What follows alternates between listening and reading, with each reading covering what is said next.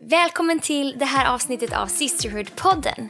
Idag har jag pratat med Adele Hellgren och vi hade ett riktigt ärligt samtal som jag hoppas att du kommer uppskatta. Vi pratade bland annat om stolthet, om att be om hjälp och om att våga tro. Även om tron ibland är liten som ett senapskorn.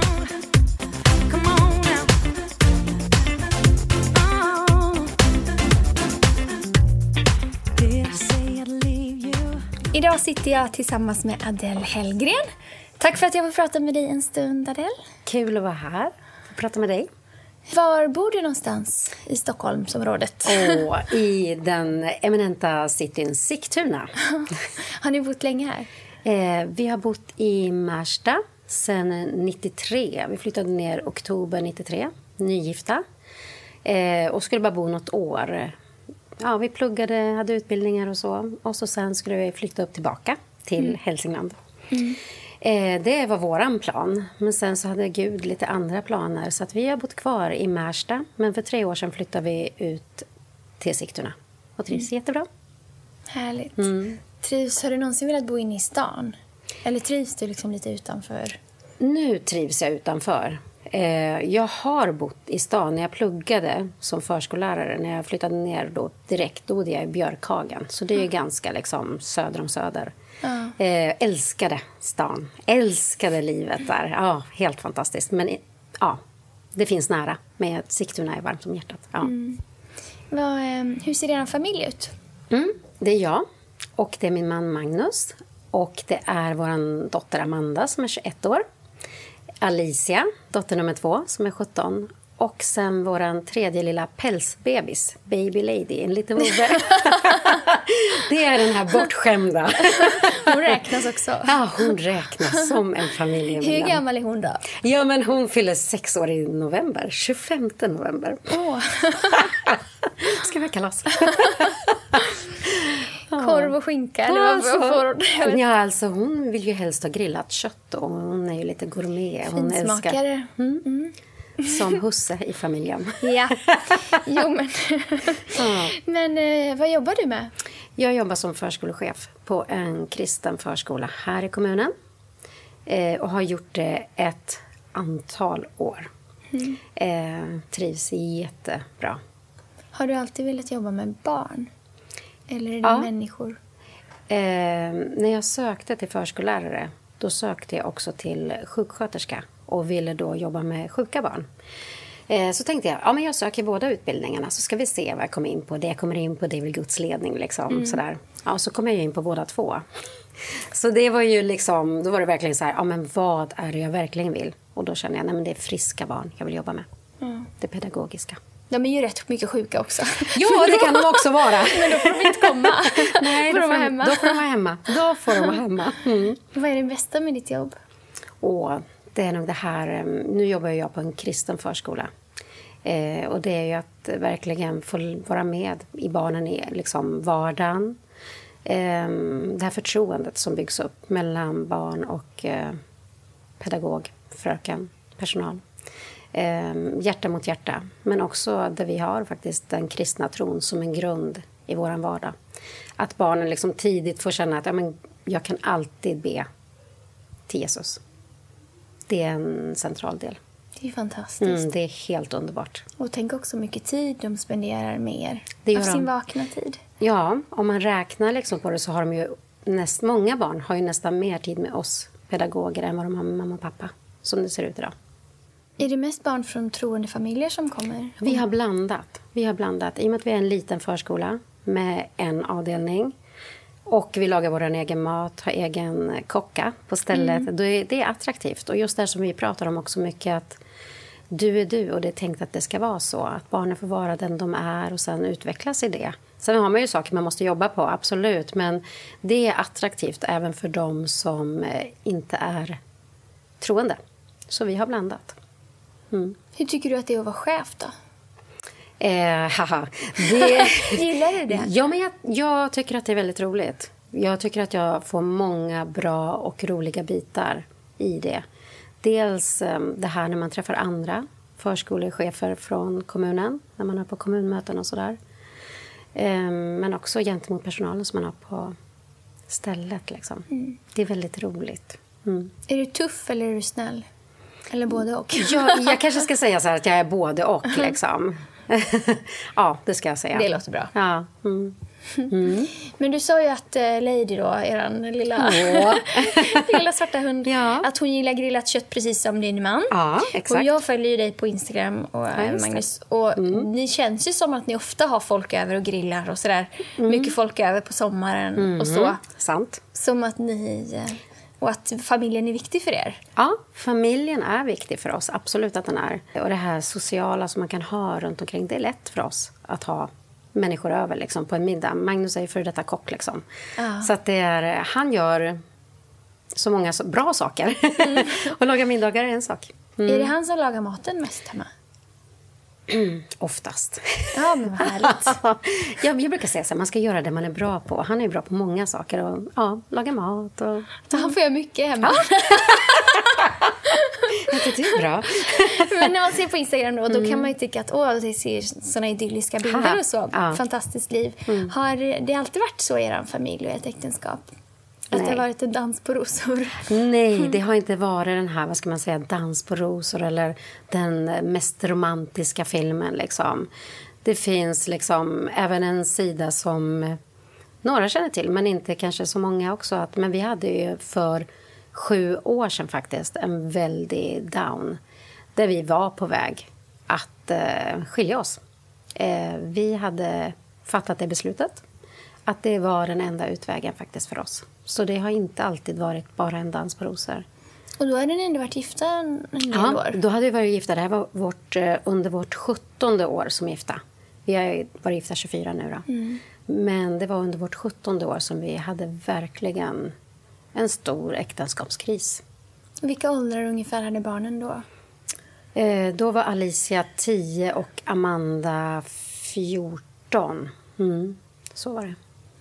Vad var det som eh, gjorde att ni funderade på eller tänkte att ni skulle gå isär?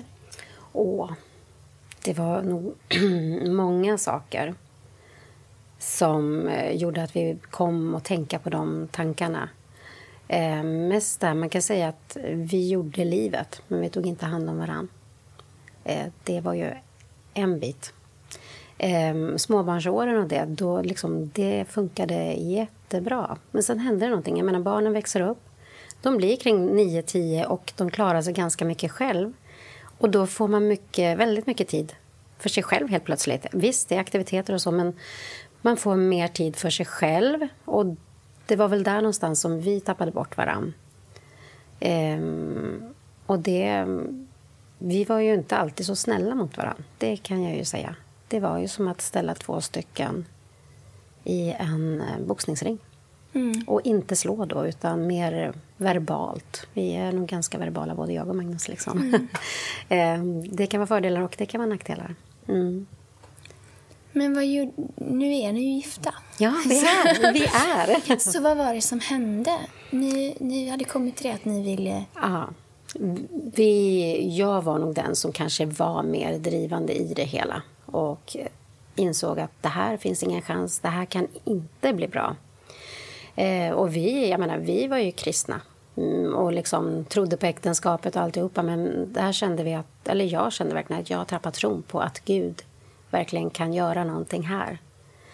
Um, så istället för att leva i det här, då måste vi göra någonting aktivt. Liksom. Och då så såg vi det, eller, men mest jag, mm. det som en utväg. Liksom. Att ja, men vi gör så här, då blir det bra. Ja. Så eh, flyttade ni isär? Kom mm. ni så långt? Vi började. Vi började med att eh, bo lite på två olika ställen och sådär. Um, Ja, Gick ni någonsin i parterapi eller sökte hjälp? Ja, det, det gjorde vi. Eh, jag började under vårterminen gå till en vanlig eh, kommunal familjerådgivning som man kunde få gå till. Liksom. För jag tänkte att ja, det kan ju vara bra. Liksom. Vi har ju ändå två barn ihop. Det måste ju funka någonstans också. Liksom. Mm. Han är ju ändå pappa till barnen. Liksom. Um, så jag började på det, men själv då inte tillsammans med Magnus. Eh, och gick kanske två gånger på det. Sen kände jag, äh, det här behöver vi inte heller göra. Liksom. Det är ju det är liksom redan kört. Um, så tänkte jag då. Så vi hade ju börjat flytta ifrån varandra. Sen hade vi träffat precis innan sommaren, precis innan vi skulle åka iväg på sommarsemester. Då hade vi varit i en kristen familjerådgivning tillsammans. Um, vi åkte ju verkligen inte tillsammans till rådgivningen utan vi åkte i två bilar. Ah. Ja, det är ju på den nivån liksom. Eh, så vi åkte i två bilar, vi gick till den där eh, terapeuten eh, och eh, vi klev väl in i boxningsringen där också. Eh, klev i de här rollerna som vi hade mot varandra och sådär. Så att eh, det var väldigt infekterat, våran situation som den såg ut då. Mm. Ehm, men vi, då var ju hon, jag menar hon var ju en varmt eh, kristen person liksom. Eh, hon var även KBT-terapeut och sådär och hon såg nog ganska snart att det här behöver vi jobba på. Så hon föreslog då för oss att vi skulle gå i separata terapier ett tag och sen kanske se om vi kunde gå och mötas någonstans längre fram. Så jag började gå och träffa henne och Magnus gick detsamma och träffade henne enskilt också. Ehm, Var det för att ni hade, hon såg att ni hade issues Ja. som ni behövde hantera privat, liksom, Ja. som hade med er själva att göra? ja, precis. Ja, det var det. Det var precis det. Men varför Ehm. fortsatte ni gå då? Eftersom du inte gick till den där andra. På något sätt. Nej, men precis. Jag hade... Det står i Bibeln om du har tro som ett senapskorn. Och någonstans så hade jag nog en liten, som jag aldrig ens erkände, men jag hade nog en liten uns av tro att tänk om det går. Tänk om vi lyckas försonas. Liksom. Tänk om det skulle gå. Samtidigt som jag kände att hon var en helt fantastisk person. Liksom. Eh, hon var inte rädd för mig, för att jag kan vara ganska påstridig liksom, och sådär med mina tycken och liksom ganska stark så med vad jag tyckte och tänkte. Men hon var inte rädd, hon backade inte. Utan hon kunde ställa liksom frågor som jag kände att, ja ah, just det, hur kan det här vara? Och, kan man tänka på det här sättet? Och, så hon fick igång en tankeprocess hos mig också. Ehm, men det var det där att vågar man tänka att vågar vi börja om? Skulle jag våga det liksom? Men då kändes det fortfarande som nej, absolut inte.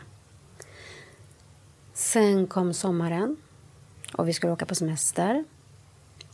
Och då hade vi givetvis planerat två separata semestrar. Du har barnen då, jag har barnen då. Ehm, sen har vi ju, båda våra föräldrar kommer ju från Hälsingland. Ehm, så att vi hade ju både farmor och farfar och mormor och morfar där uppe. Så Magnus han tar barnen och åker till farmor och farfar och så sen så skulle vi bytas av och jag skulle ta barnen och åka till mormor och morfar. Mm. Ehm, och han åkte nog upp lite tidigare än mig då. Det var han, så de var redan på plats. Så jag kommer upp kanske en vecka senare eller något sånt. Och det här då, om vi pratar tidsmässigt, så är ju det här från första terapi, eller de här terapitillfällena liksom, det var ju kanske i juni. Och det här är då slutet på juli. Så det har ju gått ett tag efter. Och eh, då kommer vi till en punkt, alltså jag kommer så väl ihåg det här när det bara hände, att vi verkligen fick, när jag verkligen bara kände att vad håller jag på med? Eh, och vad håller vi på med? Vad är det här? Ehm, så jag, var, jag låg på gräsmattan hemma hos mamma och pappa. Lyssnade på något sånt här härligt radioprogram som heter Sommarpratarna. Eh, och det här var ju året då kronprinsessan Victoria och Daniel gifte sig. Så då hade ju Lisa Nilsson gjort någon cover på en låt som heter Utan dina andetag. Eh, och i det här radioprogrammet så spelas den låten. Och när den spelas så bara känner jag så här utan dina andetag. Nej, men jag vill inte vara utan dina andetag. Vems andetag är det jag vill höra? Ehm, och där börjar bara Gud att göra en stor process i mig. Wow. Var du själv då, eller var barnen hos Magnus? Eller hur var det? Ja, barnen var hos Magnus då. Det var de.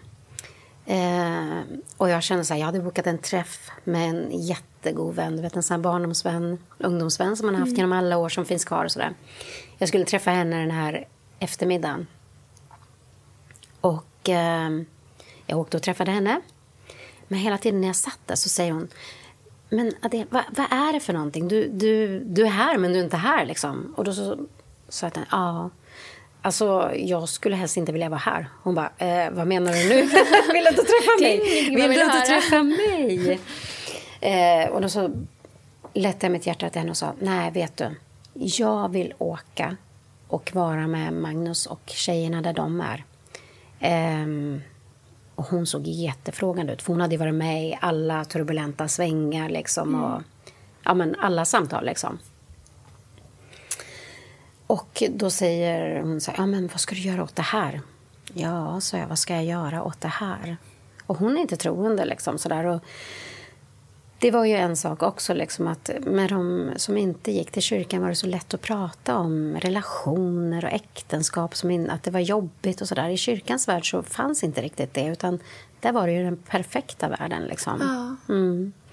Men då så sa hon, vad ska du göra åt det här? Eller hur tänker du nu? Liksom? Har du pratat med Magnus? säger hon då. Jag bara, nej. Och jag tror inte han skulle svara om jag ringer heller, sa jag. För det var ju liksom på den nivån. Vi hade inte upp, gjort upp att jag skulle ringa. Eh, Vi Nej, hade inget att prata om precis. då liksom. Så då tänker jag, hur gör jag nu? Så då kom jag på, hmm, jag ringer Alicia och kollar var de är någonstans. Mm, då visar det sig att de är på en strand och spelar volleyboll med barnens äldsta kusiner. Och så frågar jag, "Ah, är pappa där? Hon bara, ja, det är han. Ehm, bra, sa jag. Och så sa jag till henne, du, jag åker till, jag sätter mig i bilen nu och åker till dem där de är. Eh, och då i bilen så bara började hela en process i mig. Liksom. Och jag bara bad till Gud. Och på ett sätt som jag inte hade gjort innan. Liksom. Att eh, om det är möjligt att börja om igen, om det ens är möjligt, liksom, låt oss börja om. Liksom. Vad, vem är jag att sitta på mina höga hästar och säga att inte det här funkar? Vem är jag att bestämma vad du har makt att göra? Ehm, och samtidigt så var det så här, men ska vi börja om? Det måste verkligen bli något som är helt på nytt. Vi måste verkligen få börja om från start på alla sätt och vis. Liksom. I och med att det var så infekterat. Liksom. Ja. Eh, och då i bilen när jag satt och bad så kom det bibelordet från Jesaja 43. Att jag gör något nytt. Redan nu visar det sig. Liksom. Märker du inte det? Och jag bara kände så här att på det ordet stod jag då. Eh, hela den resan. Det är inte en lång resa, det är 40 minuter. och sen så fortsatte jag och tänkte nu när jag kommer fram, hur ska jag liksom bemöta dem? Liksom? Magnus såg ut som ett, jag vet inte om han, ja, han såg ut som ett frågetecken. Han såg mig där på stranden, precis som att vet inte du att jag har barnen nu? Ehm, men alltså jag kände bara, jag får lägga ner allt. Ska vi ha en chans att ens börja om så måste jag verkligen lägga ner allt och bara verkligen också ge mig hän och låta verkligen Gud förvandla våra liv. Eh, Jag kan inte sitta och bestämma vad som är möjligt och vad som inte är möjligt.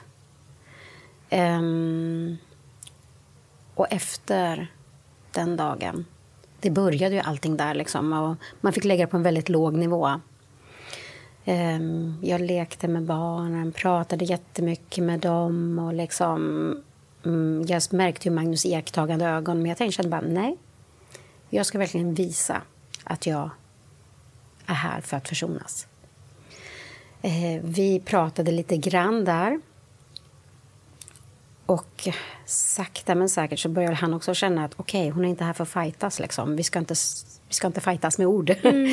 Eh, det är inte det det här går ut på. Det här är något annat. Liksom.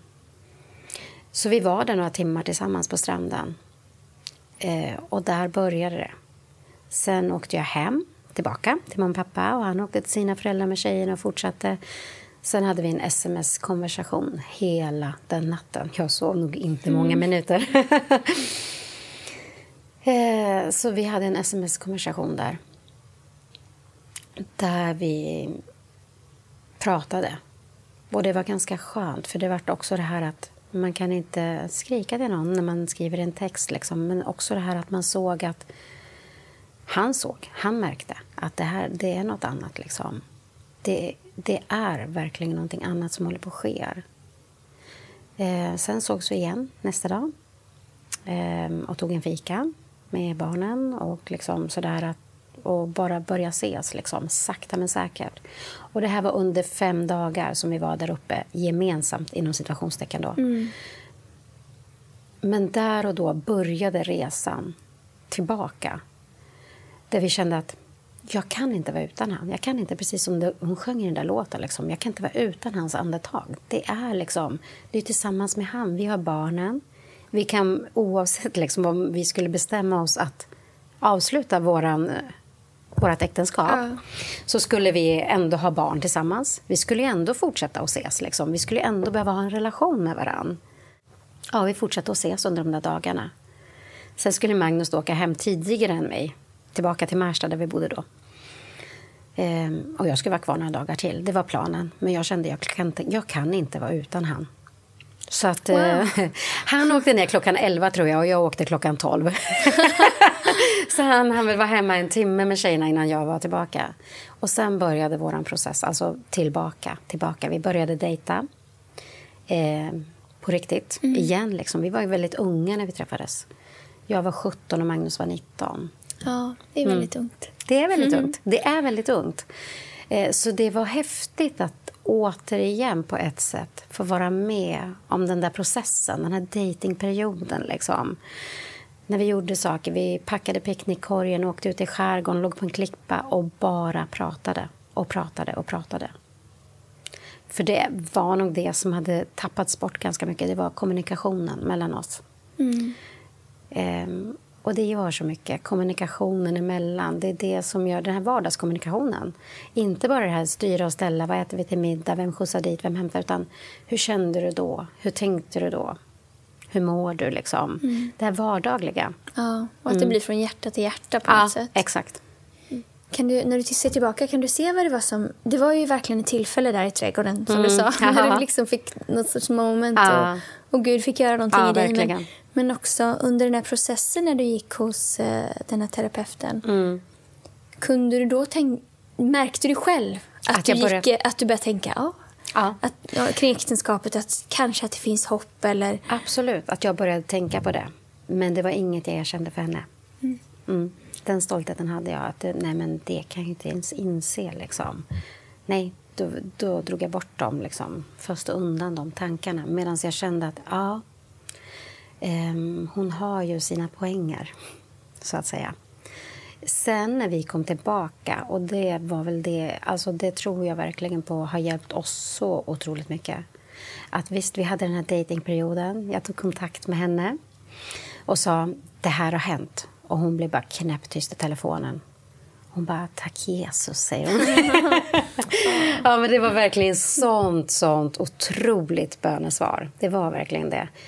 Ehm, och då sa jag, vi kommer att boka in samtal. Vi vill boka in dig och fortsätta gå hos dig. Så vi fortsatte ett år efteråt att gå. Ehm, skillnaden då på upplägget det var ju att vi kunde gå tillsammans. Och jobba oss igenom bitar tillsammans. Sen valde jag att gå några gånger mellan själv och Magnus också. Men grunden var att vi går tillsammans. Det är vi. Mm. Var det saker, när ni gick i samtal och, och sådär, var det saker som du önskar att ni hade pratat om i början av äktenskapet? Förstår du vad jag menar? Som mm. redan fanns då och utmaning som ni hade? Eller var det saker som hade uppkommit längs vägen? Mm. Det var saker som hade uppkommit längs vägen. För oss kan jag säga att det var saker som kom upp. Liksom. Och i, mitt i livet, som det är, när man är två väldigt engagerade människor som är ganska aktiva på många sätt mm. så är det så lätt att tänka att Nej, jag tar det sen. Och till slut så har man sopat ganska många saker. Vi tar det sen. Och han hade ju också saker som ja, men man behöver ta upp. Liksom. Eh, men vi tar det sen.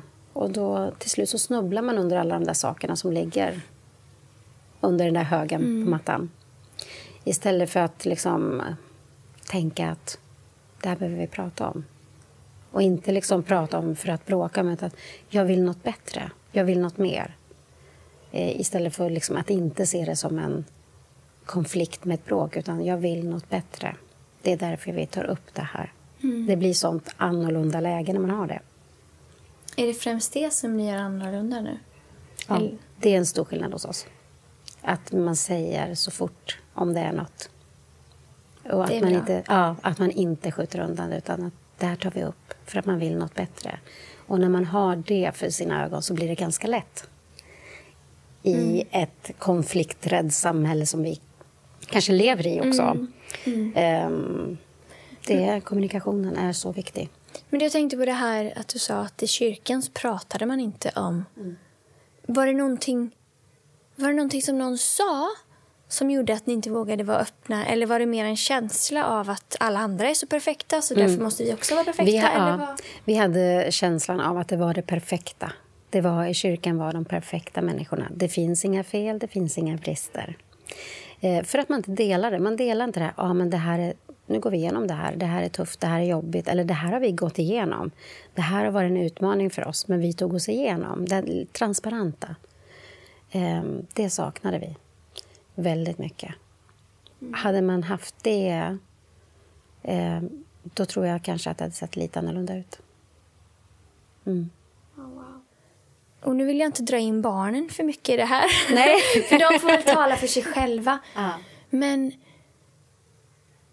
fa- förstod de liksom hela processen? Eller var de, hur var det som förälder att prata med sina barn om det här? Åh, det var jobbigt. Det var jobbigt.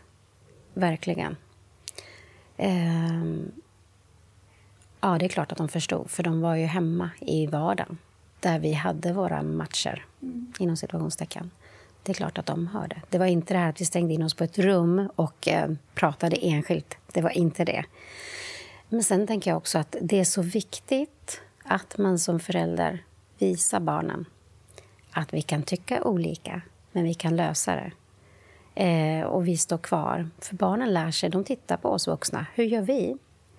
Eh, och det vår, jag och Magnus vi kommer från helt två olika familjesituationer. Liksom.